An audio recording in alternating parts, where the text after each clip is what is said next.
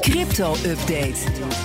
En dan gaan we naar Herbert Blankenstein, presentator van BNR's Cryptocast. Onze podcast over bitcoin en andere digitale coins. Herbert, goedemorgen. Ah, die was. Een verslag over crypto van Bloomberg verwacht dat binnenkort de barrière van 10.000 dollar weer eens wordt genomen. Uh, Ja. Hoe leggen ze dat uit? Want ja, eh, die bitcoin die heeft al eens een keer op 22 gestaan, is heel teruggevallen. Kwam, nou, nu gaan we weer naar de 10.000 dus. Ja, en inderdaad diverse keren al door de 10.000 gegaan. Eh, maar Bloomberg verwacht dus dat de opmars gaat eh, komen.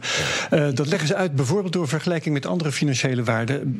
De volatiliteit van bitcoin bijvoorbeeld wordt meestal genoemd als een van de grootste bezwaren. Die is de laatste tijd minder dan die van ruwe olie. En aandelen kunnen er ook wat van de laatste tijd. Dus bitcoin is wat dat betreft niet meer zo uitzonderlijk als die geweest is. Dat is één.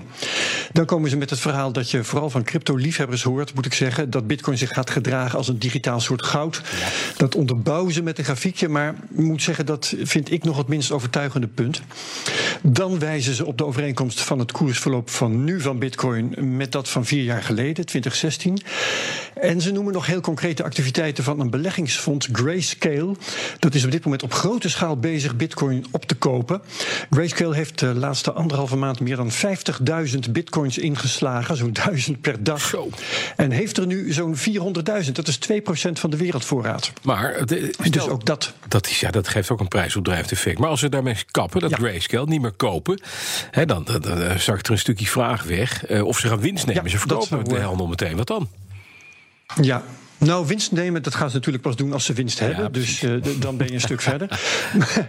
maar eh, het zou natuurlijk, als ze ophouden met eh, kopen, gevolgen hebben als ze de enige waren. Maar Bloomberg die noemt ze als voorbeeld en ook als trendsetter. Ze zijn niet de enige. En alles bij elkaar genomen houdt Bloomberg het er dus op dat die grens van 10.000 dit jaar nog genomen wordt.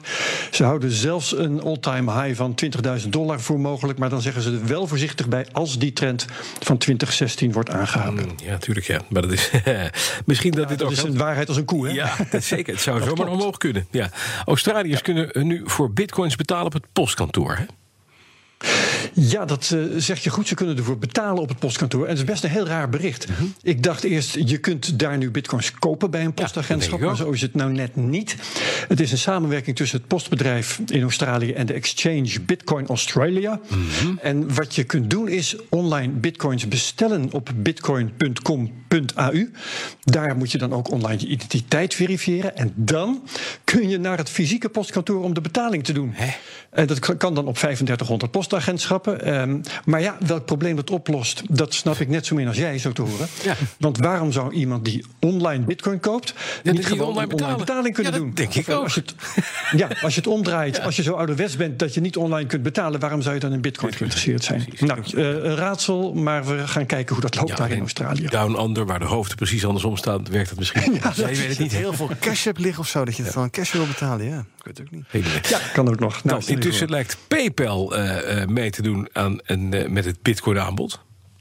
Ja, dat meldde Coindesk net nog voor het weekend. Eh, PayPal zou van plan zijn om binnen drie maanden zijn klanten de mogelijkheid te gaan geven Bitcoin te kopen en ook te bewaren op een PayPal-rekening.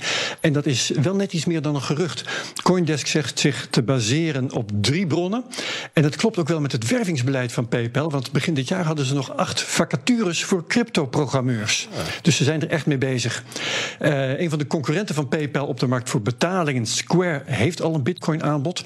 Dus dan is het ook logisch dat PayPal, PayPal niet eh, achterblijft. En je moet ze echt in de gaten houden, want 300 miljoen klanten die opeens makkelijk Bitcoin kunnen kopen, dat is niet niks. Dat gaat wel gevolgen hebben. Dan naar de CryptoCast. Wat doe je deze week? We hebben Edin Mujagic, een monetair econoom. En hij is de hoofdeconoom van OHV Vermogensbeheer. Hij is bekend als criticus van het beleid van de meeste, zo niet van alle centrale banken.